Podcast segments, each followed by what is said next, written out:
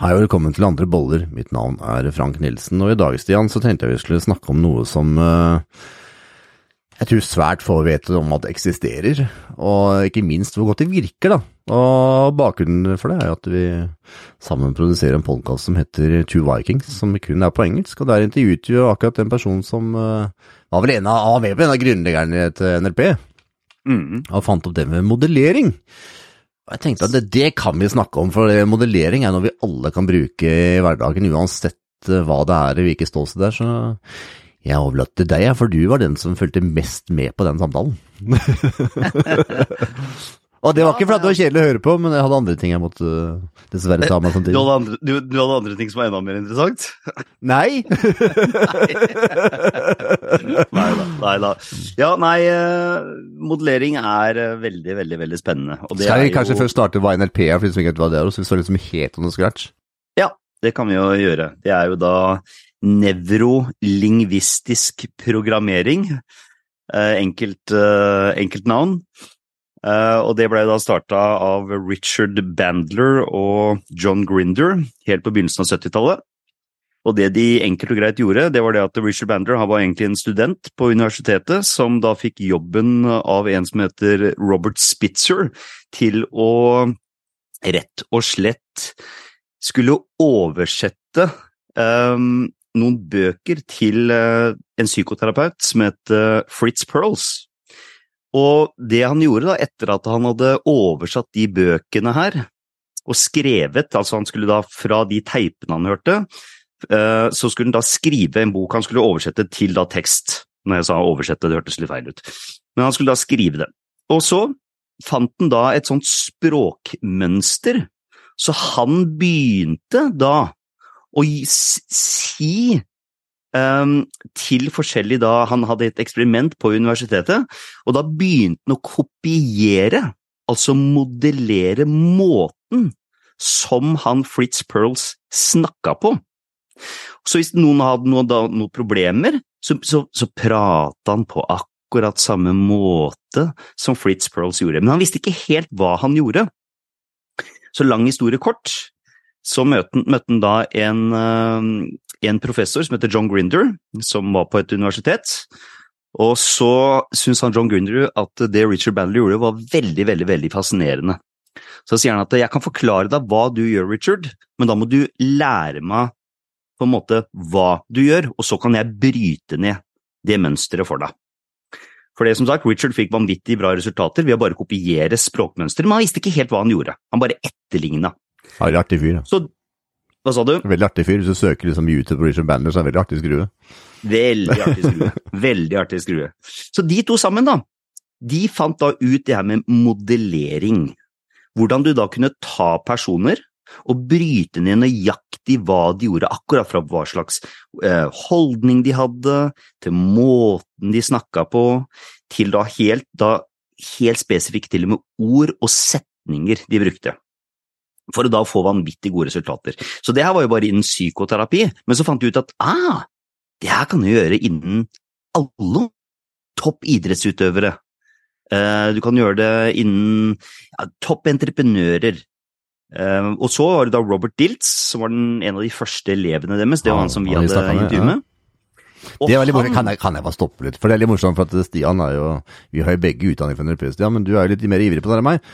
Og det her var jo så nærme julaften og de forskjellige helligdagene kunne komme for deg, tror jeg. Det var jo sånn du sier at det var som møte Elvis. Du satt der og holdt deg på kanten av stolen og sikla nesten der du satt. Så det var jo en. Det skal jeg love deg. Det er, det er lenge siden Stian har vært så ivrig etter å møte Det er jo altså uten tvil en av Det, det høres fjollete ut å si at en 42 år gammel mann har en helt, men det er en av heltene mine, rett og slett. Kan jeg fortelle hva som skjedde for en måned siden, Stian? Kan jeg fortelle det? Vi var jo sammen i Stavanger, og der var jo Jordan Peterson.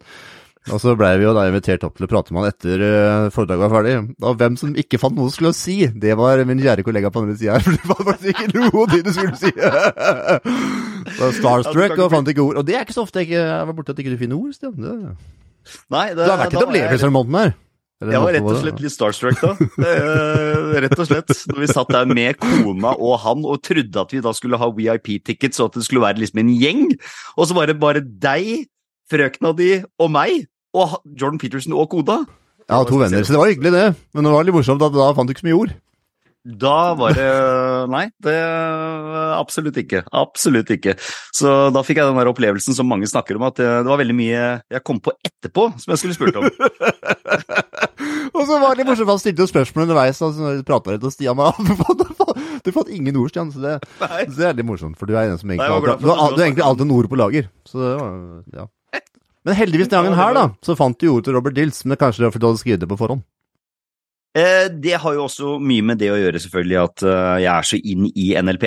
Og det er klart da hadde jeg helt spesifikke ting å spørre om. Eh, og selvfølgelig Det er klart når du, har, når du er veldig interessert i noe, ja, igjen, da finner du alltid noe å spørre om. Ja, for det var liksom morsomt. Jeg satt akkurat og klippet episoden, og det var så morsomt at jeg hadde nesten ikke noe klipp av meg sjæl. Det var liksom, jeg tror tre ganger jeg sånn løpet av hele samtalen, og det er litt sjeldent. så, Ja, jeg tok den samtalen ganske greit, å sånn. og det er litt bra for Stian, og helt klart bedre engelsk enn meg. Så eh, ja, nei, det er spennende. Jeg avbrøt. Robert Dills. Nei, nei, nei. Ja da, nei, så, så i hvert fall. eh, Det Robert Dills gjorde, da, han fant jo ut at du kunne jo da eh, modellere på en enda Hva skal jeg si for noe? Eh, han utbroderte da måten å kunne kopiere fake it until you make it, modellere Nå bare bruker jeg forskjellige synonymord, for det er jo det som er. Det er rett og slett da å etterligne andre mennesker, men du må da finne hva er det som er viktig å etterligne? For det er det som er greia. Noen mennesker Hva sa du? Nei, det er sånn dagen for å avbryte, merker jeg. Og det, barn er jo egentlig helt rå på det her, hvis du på en måte har enten hatt søsken, eller du har barn som på en måte har, eh, har noen søsken. så ser du at den det minste etterligner alltid den eldste. Mm. Og hvis det er noen barn som kanskje oppfører seg kanskje litt dårlig på skolen, så skal jeg love deg at den dårlige oppførselen, den tar med seg hjem. så Oh, yes. vi gjør jo det her egentlig hele tiden, da, bare at vi gjør det ikke bevisst. Og noe som en vet om, men igjen, ikke alle gjør det helt bevisst, det er at det, så å si alle barn, ikke så å si er feil, alle barn etterligner jo mamma og pappa, ikke sant? I kanskje enda større grad. Og det som er, er derfor er mine er så veldig veloppdragne overfor veldig langt aldri sier noe. om deg. det er det er der det kommer fra, Stian. Visste ikke det. Det er klart det, ikke sant? Det er klart om du, altså, mamma og pappa er jo guden, eller gudene, ikke sant, de første åra. Så det er klart, de er jo, ja, de, de, altså barn sluker det jo. Det som er greia, er jo, de har vi jo snakka om, tror jeg, tidligere på den podkasten for lenge siden, er at eh, liksom, de første seks-syv åra av livet vårt, så er det jo nesten ikke noe, det, det er jo ikke noe egetutvikla jeg, noe ego. Så de sluker jo alt, ikke sant. Det er bare som en åpen kanal, på en måte. Alt det gode og alt det dårlige, ikke sant. Det er ikke noe, det er ikke noe selektiv mekanisme der, liksom. Så det er jo veldig mye ubevisst modellering som barn driver med. Og så er det som du sier, så er det de klassekameratene eller de i, eh, i barnehagen osv. osv. Og så er det jo det som er greia med oss mennesker, da. Når vi kommer opp i en viss alder, så er det liksom sånn jeg er sånn. Det her er meg. Det er jeg god til, det er jeg ikke god til. Jeg kan eller jeg kan ikke. Ikke sant? Og det som er så fint om å modellere, det er det at du kan faktisk forandre deg. Du kan ta på deg andre skills og abilities enn det du egentlig har, og i hvert fall i mye større grad enn det du tror du har. Mm, Og nå hører jeg at Stian har veldig mye engelsk i det siste, så han mente han står ferdigheter og egenskaper. Litt for mye på, på Det var helt sjukt mye engelsk i det var sånn at du skulle starte en podkast, og så bare Hvordan skal vi egentlig starte en podkast på norsk? Ja, nei, så det har vært i overkant mye. Ja. Uh, så, så da, ikke sant, igjen da, um, det er det her med å bryte ned da veldig spesifikk, helt spesifikk. Hva er det hvis, hvis du har, ta bare et eksempel her. La oss si du har, uh, la oss si du har en uh, kamerat da. La oss si du er i, enten du er tenår, eller 20 år, eller 30 år, eller uansett hvor gammel du er, så har du en kamerat som for eksempel er veldig god til å sjekke opp damer, da, for eksempel. Ikke sant? Kan jeg spørre noe for å utelukke vår alder òg, Stian? Var det noen grunn til det, eller? Tenkte liksom de som er litt eldre, det gjelder ikke de eldre der, eller? Sk- eh, eh, jo, jo, jo, selvfølgelig. selvfølgelig altså, Hele alder, igjen, igjen, jeg har jo hatt klienter sånn som på en måte, og jeg har vært sammen med kona mi i 30 år. Nå skal jeg på liksom sukker eller Tinder, sier han liksom sånn. Jeg er i midten av 50-åra, jeg vet ikke åssen jeg skal sjekke opp en dame, åssen skal jeg approache en dame? Så selvfølgelig, jo da, det her gjelder jo absolutt alle aldre. Og kanskje egentlig, når jeg tenker på om, kanskje det er faktisk enda viktigere jo eldre du, du er. og det er klart det, hvis du da har en, eh, en bekjent, da, en kamerat, eh, et eller annet sånt, eller en eller annen du ser på YouTube, det er jo det som også Robert Diltz gjorde, han, han, han modellerte jo faktisk mennesker selv bare fra bøker etter de var døde. Eh, jeg personlig har aldri gjort det enn så lenge. Så, kan men, vi si hvem det var, eller? For det var jo Walt Disney og kjente personligheter her, så det høres Ja, ja, ja. ut. Men det var jo Da Vinci, Mm. da Vinci, Disney um, Mange av disse store, store Sokrates, Hippokrates, Platon tror jeg han gjorde også. Så liksom, ja. Eh, Så han gjorde det bare rett og slett ut fra skrevne tekster. Så det er kanskje litt lettere hvis du har en kompis, så du bare ser at eh, ok, han er liksom in the game. Han har en Og da kan du spørre, ikke sant? Begynn på enkelt og greit. Helt spesifikke spørsmål. Hvordan er det du hvordan, er det du liksom Hvordan er holdningen din? Er du alvorlig, eller smiler du? Um, hvordan er toneleiet ditt? Snakker du om deg selv, eller stiller du spørsmål? Stiller du mange spørsmål? Eller passer du på å finne en balanse mellom å stille spørsmål og dele litt av deg sjøl, så ikke det høres ut som et forhør? Ikke sant? For det er også det som er veldig Jeg holdt på å si nå, nå skulle jeg begynne å forklare hva du kan gjøre og ikke, så jeg, nå, nå, skal jeg, nå skal jeg holde meg for god for det. Men det er det ofte folk gjør. De prater jo for mye om seg selv, og de har for mye fokus på meg. Hvordan er det du opplever meg, istedenfor da å ha fokus på da den personen. Og det er vel eldre, Men det er, eldre, det er verre jo eldre blir, tror jeg. I, ja Jeg tror de, en la merke til de som liksom er passerer i 40, Å, fytti dager, klarer å prate om det sjøl, altså. Ja, ja, sånn, ja. Ja, ja, absolutt. Nå tenkte jeg at jo eldre du blir, så har du mer fokus Ja, jo, ja, absolutt. Ja, du har både kanskje mer fokus, og du blir mer usikker, og det er, er vanskeligere og ikke sant? Jeg, husker det er for sånn nesten, herregud, nå er det sikkert 20 år siden nesten, men du, og jeg snakka om tidligere også, du har alltid vært veldig god på å stille spørsmål. Jeg var ikke noe god på å stille spørsmål i det hele tatt. Jeg fikk jo det her med å stille spørsmål fra deg. Og så tenkte jeg bare at det her er jo en fantastisk måte å, å få kommunikasjon med mennesker på, liksom. Så det er noen ganger så må du bare bli bevisst på det. Mange mennesker de er ikke bevisst på det man stiller spørsmål i det hele tatt. Jeg sier det til dem, ja, men ok, du er nervøs, men hva er det du Hva er det du spør den andre personen om, da? Nei, nei, jeg vet ikke. Ikke sant? Så det der med å virkelig stille spørsmål, og være nysgjerrig, er jo utrolig viktig. Absolutt. Kan vi ta en liten digresjon til? For jeg føler at det her er litt sånn selvutviklingsdigresjonspodkasten i dag. Og det, er, eh, det var jo her Vi prata med en dame her som hadde Jeg husker ikke. Hun hadde sykla masse, masse, masse, i hvert fall. Ja, gjort mye i sitt liv. Og og så er morsomt, for vi prøver å se hvor er den modelleringa er, og hvordan er det, hvordan er det liksom mennesker gjør de forskjellige tinga. Og så husker jeg ikke hvilket spørsmål vi spilte en sted, men det var i hvert fall ja, hvordan hun slappet av, eller hva nå enn måtte gjøre. Sånn, nei, nei, det har jeg tenkt på før. Nei, det har jeg tenkt på før. Nei, det har jeg tenkt på før. liksom, du har liksom prestert ytterst og liksom vært uh, en av de verdens beste innenfor sine greier. Sånn, nei, nei, det har jeg aldri tenkt på før, faktisk. Så det er litt det med å stille spørsmål til seg selv òg, da. Ja, hva gjør jeg faktisk? Minst like viktig, det. Vet du hva, det er jo så Det er jo så ekstremt viktig.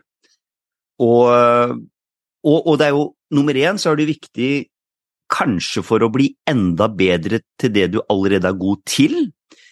Og hvis du igjen skal kunne ha noe sjanse til å føre de her videre til venner eller til barna dine, hvis det er noe du faktisk er god til sjøl, som du sier hvis du ikke har stilt deg sjøl spørsmålet, ja, men da vil du egentlig ikke kunne klare å forklare det, for det er jo da det vi kaller for ubevisst kompetanse.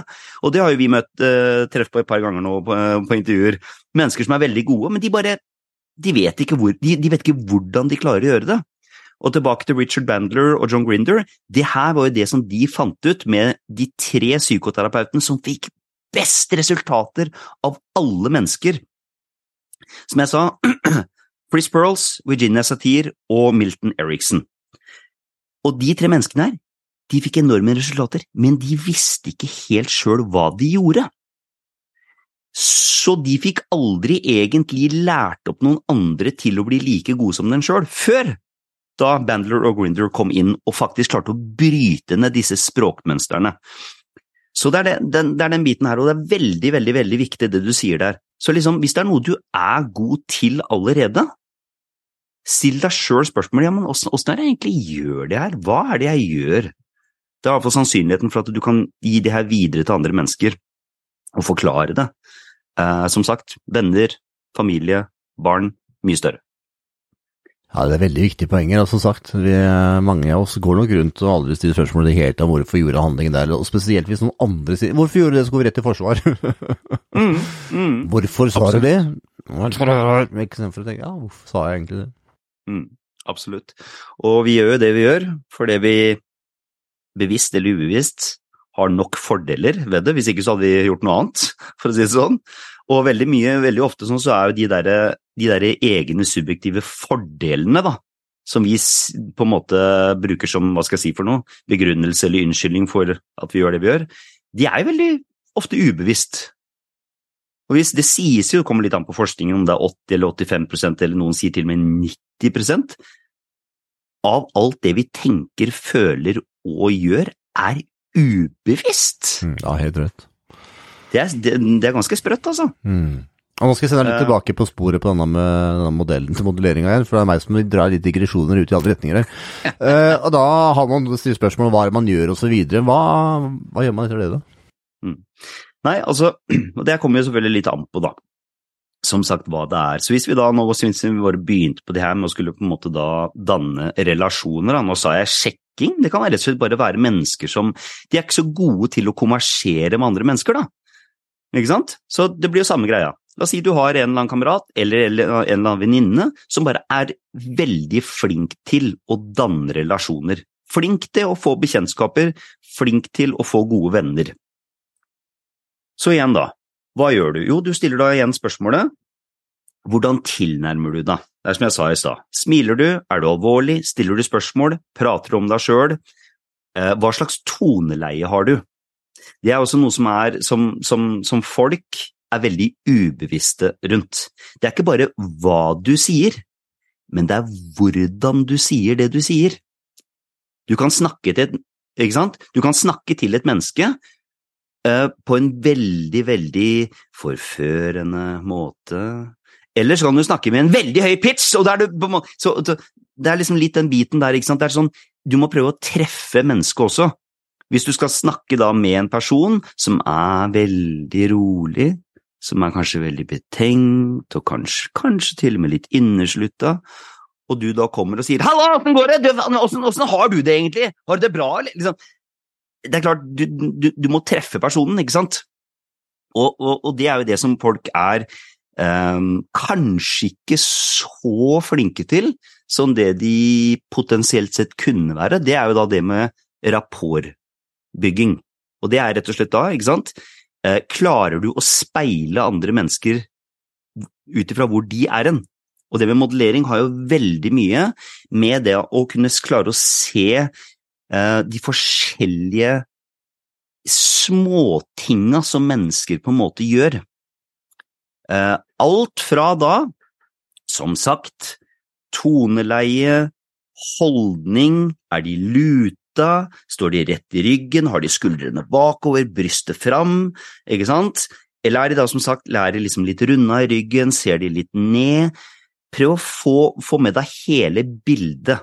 Det er både kroppsspråket og hva de sier, og hva de tenker, og som sagt, hvordan de sier det de sier, og hva de sier. Kan jeg ta en liten digresjon igjen, Stian? Gjør det. Uh, for det her er veldig interessant. Nå bruker jeg dessverre denne podkasten som eksempel, men det er, uh, for det er nærliggende for oss begge og enkelt å måte, bruke som eksempel også. Og vi snakket jo akkurat med en uh, Hva kaller han for noe? Er det liksom real life, han derre Jack Ryan, han derre CIA-fyren? Ja. og det som var interessant med han, er at hvis man, liksom, hvis man liksom, nå bruker det som eksempel som du akkurat sa, så han satt jo en veldig Hva skal jeg si En veldig Han er jo en, en uh, sikker mann. Mm, og han satt i en veldig sikker posisjon når han satt, måten han satt på, og pratet på. Men det som var veldig interessant, jeg tror ikke jeg har møtt så veldig mange andre historiefortellere som har fått på til å sitte på kanten av stolen og le nesten i 50 minutter, eh, og leve meg inn i historien hans. Men han var ganske monotom i måten han leverte det på. Ja. Ja. Ikke sant? Veldig ofte så har man veldig variasjon på høyt og lavt toneleie men han var ganske monotom i måten levering, men helt syk på å få med detaljer. Vi, vi, her er ikke tull, altså. Vi satt på kanten av stolen, og vi begge to skrattlo, og vi datt nesten sammen. Han satt fortsatt i akkurat samme posisjon og snakket i samme toneleie, mens vi lå som sagt nesten på gulvet. Og det er levering i samme toneleie, men det var liksom den derre med få med detaljer. Han var helt sjuk på å klare å få med alle disse detaljene i historiene. Så det er kanskje Veldig også litt med å kommunisere. Altså få med detaljer hvis du skal fortelle en god historie. Veldig, veldig, veldig veldig viktig det du sier der, og det var godt at du nevnte, for det glemte jeg. Og det er jo akkurat det du kan kalle på det med å få med detaljer. Det er det å snakke på en måte i Å snakke på en måte i sansene, på en måte. Få med, beskrive, rett og slett male bildet av den historien. Ikke bare komme med, bare komme med faktiske hendelser. Du må få med litt følelser og emosjoner, ikke sant? Og Det er ganske rått, altså. Ganske fascinerende. For det Absolutt. la merke til hvis du sitter med det, jeg kan bare bruke det her som eksempel igjen. da. Han fortalte liksom det var i en episode som uh, de hadde gjennomført en eller annen operasjon i en eller annen plass i Afrika, som uh, plutselig kom på nyheten, og de skulle komme seg ut av landet ganske fort. Og så blir de da på en måte stoppet da av uh, av en gjeng med jeg for noe, utenlandske krigere, eller Mm. som, som i hvert fall ikke var veldig vennligsinna mot dem i alle fall. Absolutt. Ja, der er Emma å åpne vinduet for å snakke med han fyren, for det var jo pansra bil, så han måtte åpne vinduet for hva som skulle skje. Altså, måten han fort forteller det på, han forteller på detaljert hvordan den personen da tar tak i, på en måte, i fyren, tar tak i jakka hans, prøver å dra han ut av bilen, men samtidig forteller han at ok, sjåføren tar tak i hans sin jakke og så spenner han på seg beltet, og så forteller han på en måte alle de smådetaljene som skjedde akkurat i det øyeblikket. Og da er du så inni der at du føler at du sitter i den bilen. Og det er der med å fortelle historier på en måte, vet du hva, det var en utrolig lærerik eh, episode for meg. For det jeg kan veldig, veldig fort bare gå til poengene og så bare gå videre. Men det med å få med detaljer, altså, det er sykt viktig. Mm. Ja, det er superviktig. Uh, og det er klart at du Og så kan du da argumentere med, da, ikke sant. Tenk hvis han da også hadde lagt på toneleie sånn, hadde det vært enda sprøere da, på en måte? Kan være. Kan være. Det, det er vanskelig å si, men det er det jeg mener, da. ikke sant? Skal mye til å klare å overgå det der, altså. Detaljer, ikke sant. Toneleie, innlevelse, ikke sant. Det er så viktige ting, da, eh, det er her, liksom, for å, for å skulle bli en god historieforteller. For det er det han her var, ikke sant. Fantastisk. Og så, selvfølgelig, det er jo eh, Det er klart, det er jo historien i seg selv også, da, som er ganske crazy, ikke sant. Ja, for, Hvem er det som ikke liker å høre hva en sier? Kan jeg ikke fortelle en liten ting til? Du er egentlig bedre på det enn meg, men det er uh... Når de på en måte skal da hente en eller annen fyr midt på dagen, som de aldri pleide å gjøre, det var egentlig alltid på natten. Altså, de finner ut ja, ok, de skal hente under det treet. Men så kommer det et Treet er ikke der! Hva gjør man da? Så ja, det er ganske interessant. Ja, det var, det var lærerikt på mange områder. Og det er Ja, eh, kanskje det vi prøver å få fram i dagens prat, da. For dagens prat handler om det med Jeg har sittet og tenkt noe mens du har prata. Hva skulle egentlig liksom, eh, overskriften være, og hva kunne egentlig være sin røde tråd? Og det er egentlig med å kommunisere bedre med andre. Mm. Det er jo det med å Historieforteller, historier fenger veldig andre, ikke sant. Det må, hvis du har truffet en gjest på en eller annen person du har møtt, eller hva det er som liksom er skikkelig god på historier, for å appellere litt, du, du, du er gjerne sammen, være med sammen med den personen igjen. 110 Ikke? Eller du møter noen som har fått at det føler deg veldig at du, du har fått lov til å levere. Det er jo litt det samme med Mm. Stian sitt tilfelle. Hvis han har fått prata veldig lenge på podkast, så er han veldig fornøyd. for, da, for da har han jo både fått levere sitt budskap. Ja, men det var ikke noe, var ikke noe var en positiv ting, da. For det jo, vi alle mennesker liker å dele og kunne kommunisere det vi kan, og så videre. Så ja, det er balansegangen der, da. Ja da, og det, er det her, da er du selvfølgelig tilbake på det her med å eh, Altså, som du sier, alle liker jo å formidle det som faktisk betyr noe for dem. Ikke sant? Da er jeg tilbake på det her med Ja. verdier igjen, liksom. Ja, det var jo en person vi prata med, Stian, og han tror jeg prata i to og en halv time. Over to timer i hvert fall. Eh, Jeg tror meg og Stian stilte to spørsmål, og så sier han på slutten Og tusen takk for en utrolig god samtale! Ja, jeg har fått sett det. Ja, bra. Ja, det, jeg, jeg tror bokstavelig talt Du tok introen, og så lurer jeg på om jeg stilte et spørsmål, og jeg tror du stilte et spørsmål, og så var alt annet var rett og slett bare han som satt og prata. Og, og det var om han sjæl. Men det var en veldig interessant historie, det. Men samtidig så Grunnen til at jeg deler akkurat det her, er for at hvis du møter en person som liker å dele av seg selv, og du liker på en måte å bli kjent med den personen, eller om du skal like det, eller hva det være, så still noen spørsmål da, som gjør at uh, den personen føler seg sett og kan dele med det den kan. Ja, ja, ja absolutt, virkelig. Det er jo uh, Igjen, mennesker liker jo å Altså, jeg pleier jo alltid å si det at uh, hvis du har problemer med å, å holde en samtale med et menneske, Igjen, vi har allerede snakka om det med å stille spørsmål. Men liksom bare stille spørsmål. Hva er det du er opptatt av? Hva er det du liker? Hva er det du bryr deg om? Hva er det du syns er moro? Hva er det du kan holde på, liksom på i timevis, som du bare elsker å drive med, på en måte. Det er liksom Folk vil prate om det som de er interessert i. Enkelt og greit. Du kan, du kan, få, den, du kan få den personen som er mest introvert av alle personer, hvis du skifter temaet over til de som, det som faktisk er interessant for dem, da blir de plutselig ekstrovert istedenfor. Ja, ja, veldig godt poeng. Veldig viktig poeng. så, så, så, så, det er liksom bare egentlig bare å ha de riktige spørsmåla. Uh, hvis du ønsker nummer én å bli god til å kommunisere, og hvis du da også skal kunne klare å kopiere eller modellere noen, ikke sant? Da må du jo få mennesker til å kunne åpne seg opp, så de nummer én har lyst til å snakke om seg sjøl, ikke sant? Eller, eller, for å si det sånn, har lyst til å snakke med deg. Uh, og så er det jo selvfølgelig da, ok, hvordan er det du gjør det her, du er jo så god til det her, du er jo så flink, jeg ser jo du klarer å liksom få det her, det og det til, uansett om det er å tegne og male, eller om det er å konversere med mennesker, eller hva nå det enn skulle være. Om du ser, uh, om du holder på å bli nyutdanna sykepleier, og du, det er en sykepleier som bare har den vanvittige uh, connection med andre pasienter, liksom sånn, ok, ja, da dro jeg opp på engelsk igjen. Kontakten med andre? Ja. ja. Begynner å glemme de norske ordene her, liksom. ja, men det er sant, det. Så, ja, men det, det, er viktig. Og, og, og, i hvert fall hvis du er litt interessert i det å faktisk, hva skal jeg si for noe, å skulle kunne vokse, da, som individ selv etter du er da i gåseøynene i voksen alder. For hvis du bare gjør det samme du alltid har gjort, så vil du få det samme du alltid har fått, som Einstein sa, ikke sant, og det å forvente noe annet enn det du alltid har fått, da, det er jo definisjonen på galskap. Så, så du, du, må liksom skifte litt tanker og følelser og holdninger for å kunne få en konstant utvikling. Og igjen da, hva er egentlig bedre enn å spørre andre mennesker åssen får du det her til? Ja, en sånn teknikk som jeg har brukt på det, så er det sånn, uh, hvis jeg har stått i en situasjon jeg syns er vanskelig, og det måtte være, mm. så er det mange ganger jeg har tenkt på hvis jeg kjenner en person, eller eh, kanskje har hørt på en person, eller ja, hva ville den personen gjort i den settingen her? Oh yes. Du står overfor en skikkelig, ordentlig, av, vanskelig avgjørelse, ja, ja, hva ville den personen der gjort da?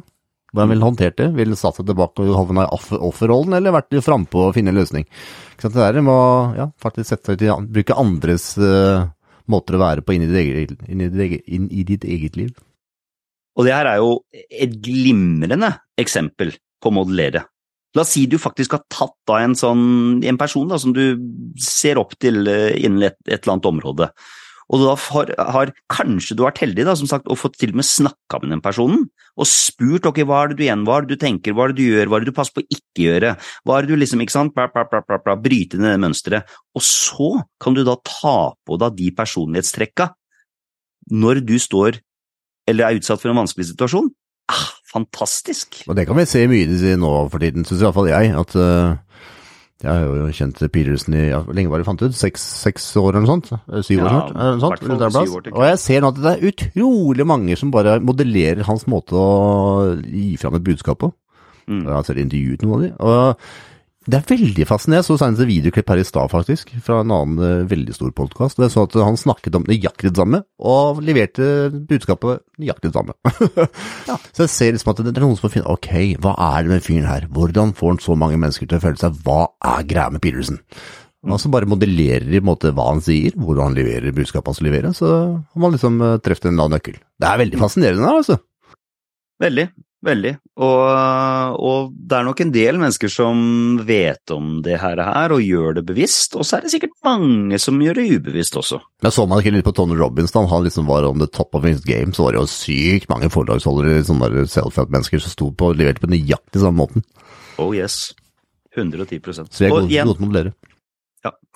Ja, nei, altså ikke sant. Det er jo selvfølgelig den som er på en måte best på det, det er jo den du uh, egentlig burde uh, kopiere. Mm, ja, ja, det er også veldig godt poeng da, hvis du kjenner noen i vennegjengen din som er helt elendig på, noe, på å være i forhold. Ikke modeller den personen, hvis du har godt forhold. helt riktig. Og det er derfor jo ofte Hva, hva heter det derre Åssen går det en av det der ordtaket med at du Eller ordtak du, du, blir som de vennene du på en måte henger mest de fem nærmeste vennene dine, på en måte, ikke sant. De, det er jo de du ofte blir eh, som. Og det er jo fordi at igjen, ubevisst så vil du jo modellere de, ikke sant. Det blir verden din, på en måte.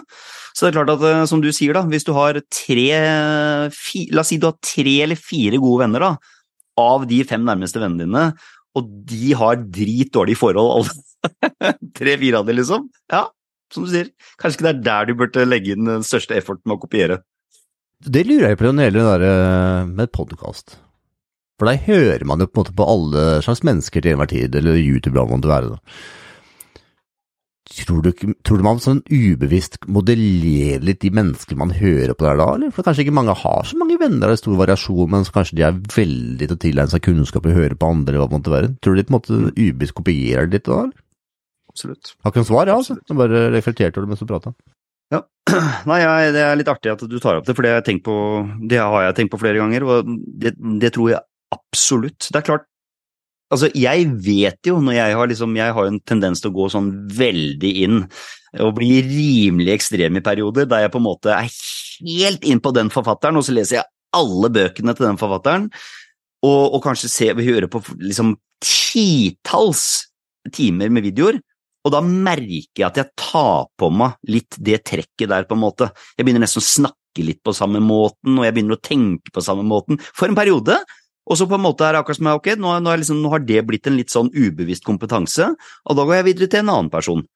Så, så absolutt, altså, vi, vi, vi, vet jo Det her er litt, det er litt artig, det vet du hva gjort, jeg lurer på om det var BF Skinner som gjorde disse, eh, disse atferds... Eh, eller behavioral-eksperimentene da, på, på, på uh, slutten av 60-tallet, begynnelsen av 70-tallet.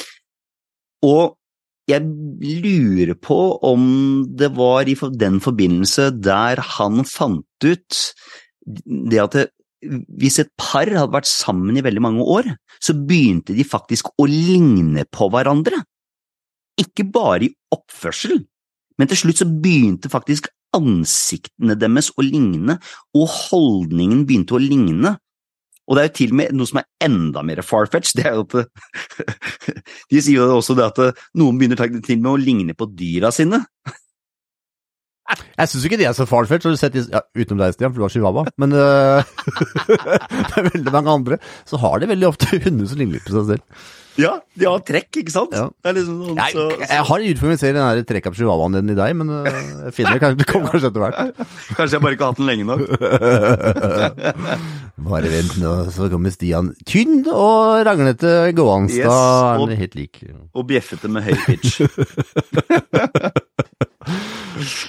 Ja, så nei da, men, eh, men, men absolutt. Og, og, og, og, det er jo også det som er fint. Da. La oss si en sånn som i dagens samfunn, da, der det er mange som kanskje ikke har like mye sosial kontakt som det den hadde for noen år siden.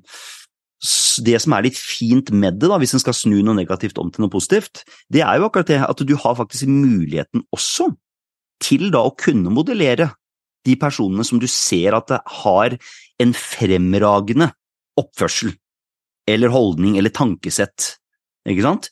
Du har faktisk muligheten til å kunne ta på da, de der personlighetstrekka og de, eh, og de, ferdighetene, for å bruke et norsk ord. Oi, oi, her, nå kommer liksom de der norske orda. Rekasbergfjølen nå! Begynner å komme tilbake. Og så er vi jo i vintertiden, Stian.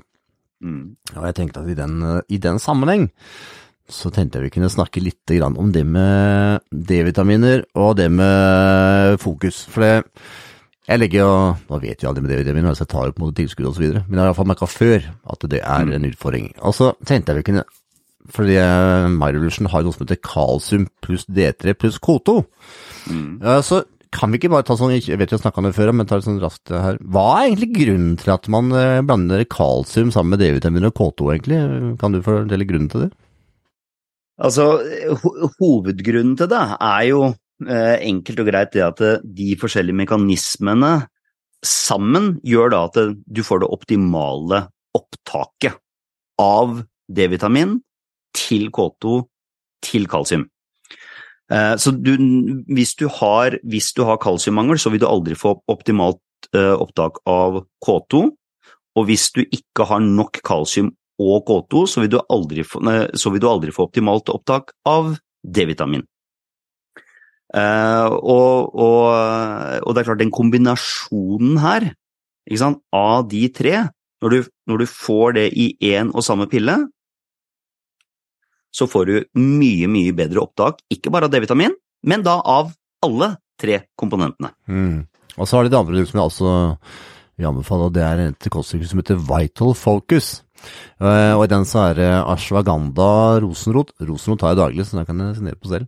Uh, fosfatdylenserin og Mhm. Panex ginseng. Bacoba monieri. Så må jeg på det franske italiensken der òg. Tyrosin. Uh, og du kan i hvert fall noen av de her, Stian. Hva er årsaken til at man har de her sammen, tenker du? Nei, altså fosfatidylkolin er jo Nei, eller var det fosfatidylserin eller fosfatidylkolin? Nei, serin. Serin. Ja, stemmer. Ehm, det er jo eh, Hovedeffekten da, av det er jo det at det senker unødvendig høyt kortisol. Og det er klart, jo mindre kortisol en har, altså selvfølgelig, alt skal være innenfor rimelighetens grenser. By all means, kortisol er et livsviktig hormon, men i kombinasjon da, med ashwagandha, som også regulerer kortisol, og rosenrot, men det som er så fint med ashwagandha og rosenrot, det er jo at de fungerer jo da som det, det, altså det er jo da et adaptogen. Og et adaptogen, det som er så fint med det, det er at hvis du trenger mer kortisol, så vil du oppregulere, så du har muligheten. Men hvis du trenger å ha mindre kortisol, da, da vi kan ta en historie der, jeg ser du begynte å lese, du tenkte sikkert på min opplevelse med Ja, jeg tror vi kan ta var oss begge, for vi begge har jo brukt rosenrot over tid. Jeg har kanskje brukt litt mer enn deg. jeg har brukt uh, rå rosenrot. Og hvis du tenker at i dag, skal, i dag er jeg litt dårlig form, i dag er jeg litt slapp, så tenker jeg at nå skal jeg ta rosenrot for å bli litt pigg, og så bare ååå! Det var, var for noen uker siden.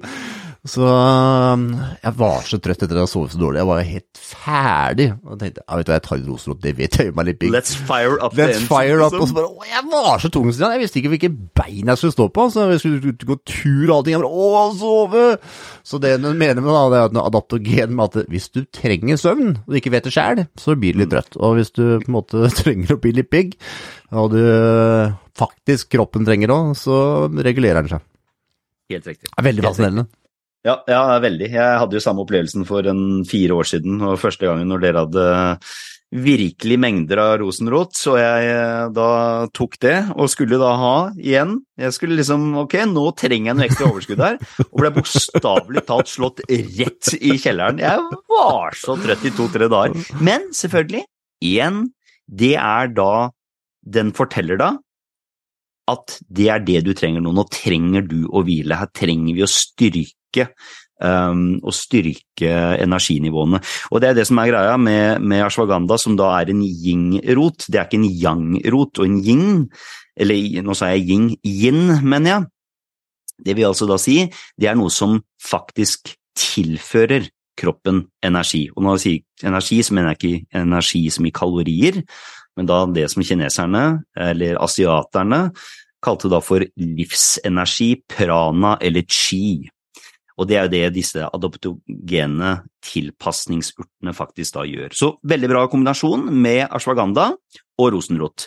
Ashwagandha har en litt annen effekt også, og det er jo det at den kan faktisk være litt sedativ, den kan være litt beroligende. Rosenrot den kan også være beroligende, men, men det er bare hvis du virkelig trenger å på en måte roe ned. Så er den veldig fin andre veien, så det er god kombinasjon. Anbefaler begge to. Gå inn på ja. myrevolution.no og sjekk ut D-vitaminer og Vital Focus. For når det er mørkt, Stian, og det er eh, sånn som det er nå om dagen, så trenger man litt påfyll. Så kjære lytter, fant du noe interessant i dagens uh, digresjonssamtale om uh, kommunikasjon? Så del den gjerne, og gi oss gjerne fem stjerner på iTunes hvis du syns det er riktig. Nå, til neste gang, ha det bra. Ha det. Ha det bra.